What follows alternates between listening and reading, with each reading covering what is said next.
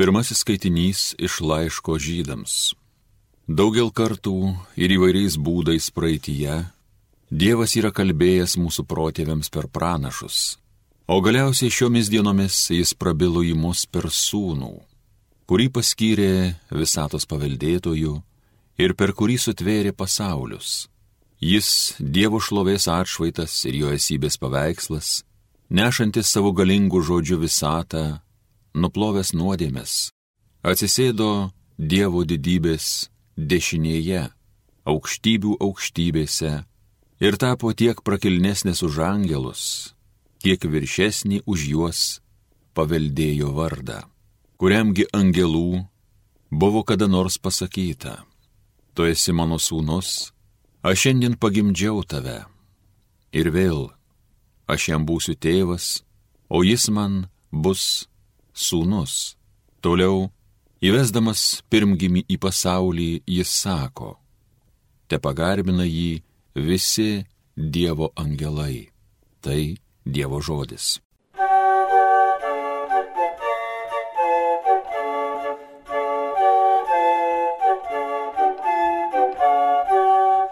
Angelai visi prieš viešpatį kniopkit. Viešpats pasaulio valdovas te džiūgauja žemė, te krikštauja salos, teisė, teisybė, grįstas jo sostas. Angelai visi prieš viešpatį kniopkit. Byloja dangus apie jo teisingumą, jo garbingumą regi pasaulis, niekingi dievaičiai prieš viešpatį klupkit. Angelai visi prieš viešpatį klupkit. Didis tu viešpatie viršum visos žemės, visų dievų tu aukščiausias. Angelai visi prieš viešpatį kniopkit. Alleluja, alleluja, alleluja, alleluja. Prisartino Dievo karalystė, sako viešpats, atsiverskite ir tikėkite Evangeliją.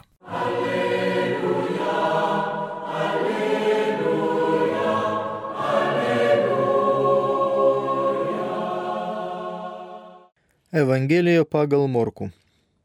Kai Jonas buvo suimtas, Jėzus sugrįžo į Galilėją ir ėmė skelbti gerąją Dievo naujieną. Atėjo metas, prisertino Dievo karalystė. Atsiverskite ir tikėkite Evangeliją. Eidamas palei Galilėjos ežerą, Jėzus pamatė Simoną ir Simono brolį Andriejų, metančius tinklą į ežerą. Buvo madžvėjai. Jėzus tarė, eikite paskui mane, aš jūs padarysiu žmonių žvėjais. Ir to jau palikę tinklus, juodu nuėjo su juo. Paėjęs truputį toliau jis pamatė Zebidėjų sūnų Jokūbą ir jo brolį Joną. Taipogi valtė betais ant tinklus. Tuoj pat jis pasišūkė ir juos. Palikė savo tėvą Zebedėjų su samdiniais valtyje, jie sekė paskui jį.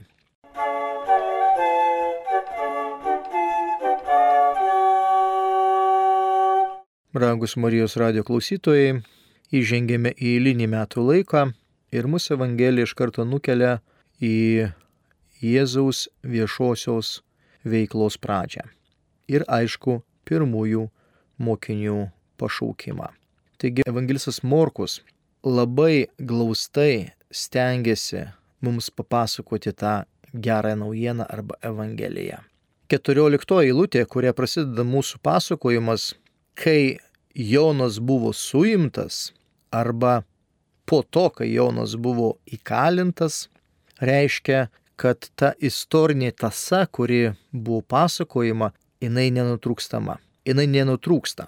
Jinai toliau tęsiasi, tarytum baigėsi vieno žymaus asmens veikla, Jono Krikščitojo, tuoj pat įžengė būtent dar didesnis istorijos personažas, dar didesnis asmuo, Dievų sūnus, kuris pradeda savo viešąją veiklą.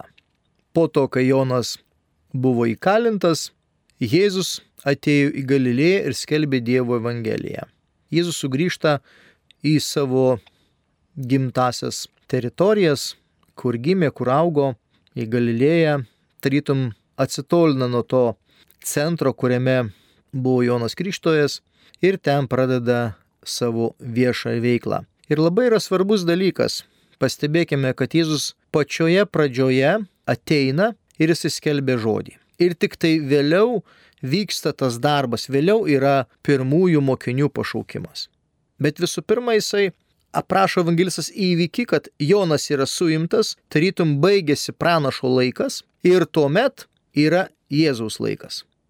Jėzus ateina į Galilėją skelbti Evangelijos arba gerosios naujienos. Ir ką jis sako 15 eilutė? Jis sakė, jau atėjo metas ir prisertino Dievų karalystė. Atsiverskite ir tikėkite Evangeliją. Labai svarbus yra momentas apie tą žodį, kad atėjo metas. Atėjo metas, iš tikrųjų graikiškai galėtume mes išversti išsipildė galutinio tikslo arba galutinio laiko metas. Tai yra na pilnatvė. Tai yra tai, kas turėjo įvykti. Ir prisertino Dievo karalystė. Labai du svarbus terminai. Būtent, kad tas atėjo metas ir kad prisertino Dievo karalystė. Evangelistas Morkus praktiškai visoje savo Evangelijoje kalba apie terminą, kuris vadinamas Dievo karalystė. Pavyzdžiui, Mato Evangelija kalba apie dangaus karalystę, o štai Morkaus Evangelija kalba apie Dievo karalystę. Kad atėjo metas arba įsipildė galutinio tikslo metas ir tada prisertino Dievo karalystė. Jėzus pradėdamas savo viešosios veiklos skelbimą, jisai pasako, kokia dabar yra realybė, kas dabar vyksta. Ir tik tai po to ragina, ką jie turi daryti. Bet visų pirma, jisai pasako, kas dabar per metas, kas dabar per dalykas, kokia yra situacija gyvenimiška. Išsipildė galutinio tikslo metas ir prisertino Dievo karalystę. Tarytum tai yra jau, na, žmonėje pasiekė tobulybės laipsnį. Ir yra raginimas tada. Atsiverskite ir tikėkite Evangeliją. Graikiškas žodis metanauėjo. Etimologiškai įsigilinti, apsvarstyti jau po fakto, tai yra pakeisti, performuoti mintį. Vėliau susiformavo gailestis, graužatis, krimstis dėl ko nors, sugrįžti, pasukti atgal, atsigręžti, apsukti, atsiversti į tikėjimą, atsiversti ankstesnį tikėjimą, to pasiekoje nuoširdžiai pasitaisyti, puoselėjant pasibjaurėjimą savo ankstesnėmis nuodėmėmis. Ir čia iš tikrųjų lietuvių kalboje labai yra sudėtinga šitas terminas versti, nes mes įpratę prie jo kaip atsiversti, atsivertimas. Bet, na, pažodiniuose vertimuose, kurie dabar jau yra vykdomi, tai vis dėlto geresnis sprendimas yra, kad keiskite mąstyseną. Keisti mąstyseną Jėzus mus kviečia, pasikeisti mąstyseną ir tikėti gerąją naujieną arba Evangeliją. Tikėti, ką Jėzus skelbia. Tai yra labai toksai fundamentalus, pamatinis dalykas, kad vienoje eilutėje tarytum yra sudėtas visas Evangelijos turinys, kad išsipildė galutinio tikslo metas, prisartino Dievo karalystė, todėl keiskite mąstyseną ir tikėkite gerąją naujieną arba Evangeliją. Ir po šito skelbimo, po šito, sakykime, Jėzaus tarytum jau pasakytos programos, ką jisai atneša visuomenį, ką jisai atneša žmonijai, jisai pradeda jau savo tą viešą veiklą būtent kviesdamas pirmosius mokinius. 16 eilutė eidamas palei Galilėjos ežerą arba galėtume versti Galilėjos mares arba pereidamas šalia jūros Galilėjos pamatė Simoną ir Andriejų, brolį Simono metančius tinklą į ežerą, bet iš tikrųjų tai graikiškas tekstas mums sako metančius apvalų tinklą į jūrą. Buvo juk žvėjai. Taigi Jėzus toliau savo viešą veiklą veda ties Galilėjos ežerą arba ties Galilėjos jūrą, ties Galilėjos mariomis, kaip mes čia be išverstume, ir sutinka būtent Simoną ir Andriejų. kurie buvo žvėjai. Na ir tas žodis būtent metančius į tinklą graikiškai yra amfibalio ir turi štai tokias reikšmes. Mesti aplink žvejybos technikos terminas, leidžiantis išmesti žiedinį žvejybos tinklą. Taigi toksai techninis terminas žvejybos, kurį būtent mums pateikia evangelistas Morkus. Ir pabrėžė, kad tie asmenys, tiek Simonas, tiek Andriejus, jie buvo žvėjai. Jėzus jiems tarė, eikite paskui mane ir aš padarysiu, kad jūs taptumėte žmonių žvėjais.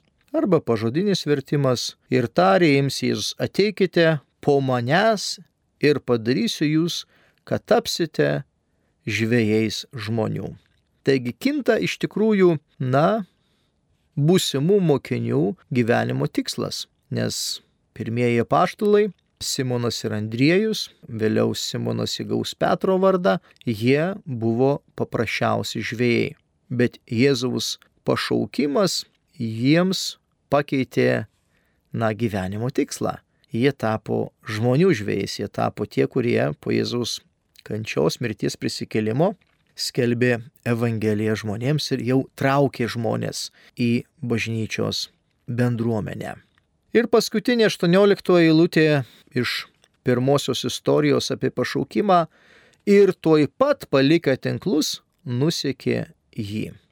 Čia toksai yra labai didelis Evangelijo prašomas dinamizmas, kad kada mokiniai išgirsta Jėzaus balsą, Jėzaus pašaukimą, jie negali atsispirti, jie negali atsakyti, bet jie tuoj pat viską palieka ir nuseka paskui Jėzų. Tad tuo metu, jeigu jie buvo žvėjai, tai jų pagrindinis amatas, pagrindinis užsimimo tikslas buvo būtent žvejyba ir tas pagrindinis įrankis taip pat buvo tinklai. Taigi mes matome, kad kada jie išgirsta Jėzus balsą, jie viską palieka. Jie palieka tą savo seną gyvenimą, tą seną žmogų ir jie seka būtent Jėzumi. Ir 19-20 eilutės kalba taip pat apie kitų apaštlų pašaukimus. Ir paėjęs toliau į priekį, pamatė Jokūbą, Zebidėjaus ir Joną, brolį jo, ir juos laive taisančius tinklus. Ir tuoj pat pašaukė juos ir palikę tėvą jų Zebidėjų laive, su samdiniais nuėjo paskui jį.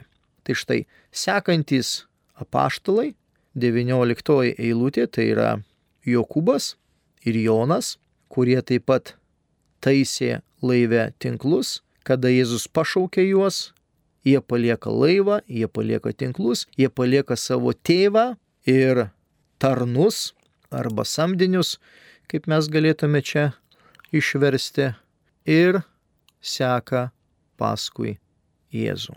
Tai yra būtent tas dinaminis, labai stiprus Jėzaus veikimas mokinių gyvenime. Jie išgirsta tikrai Dievo balsą, kuriam negali atsispirti ir kurio negali būtent kažkaip tai, na, ignoruoti. Taip galėtume mes pasakyti. Taigi, pirmieji mokinių žingsniai su Jėzumi, Jėzus iš tikrųjų juos patraukia, na, iš užsiemimo aplinkos. Ir čia mes taip pat galėtume truputėlį pamastyti, kad Jėzus pašaukė ir turbūt Dievas pašaukė, na, tuos žmonės, kurie yra kažką tai užsiemę. Ne taip, kad žmogus nieko neveikia, nieko nedaro, guli ant sofos ir štai Dievas jį pašaukė. Nieko panašaus. Atkreipkime dėmesį. Dievas pašaukė juos, kada jie yra būtyje kada jie turi savo užsimimus. Galbūt, kada jie geriausiai kažką tai moka. Nes jeigu buvo žvėjai, jų buvo pagrindinis amatas, jie tą verslą arba, sakykime, tą darbą mokėjo geriausiai. Ir jie iš to išgyveno. Bet jis ateina ir sako, dabar nuo šiol jūs būsite žmonių žvėjais. Žiūrėkime, koks įdomus dalykas nepakeičia jų amato, ar ne, nes žvėjai lieka žvėjais. Kai buvo žvėjai prie žuvų, dabar tik tai ne žuvis gaudys, bet gaudys žmonės. Taigi irgi toksai labai, na, specifinis kalbėjimo būdas, kad Dievas palieka tą tavo pašaukimą arba tą užsiemimą, kokį tu turėjai, tik tai truputėlį jį modifikuoja. Dievas toliau, toliau leidžia tau aukti, tik tai kitoje sferoje. Bet tuos įgimtus dalykus, kuriuos tu turėjai, jie iš tikrųjų, na, lieka, lieka tavyje.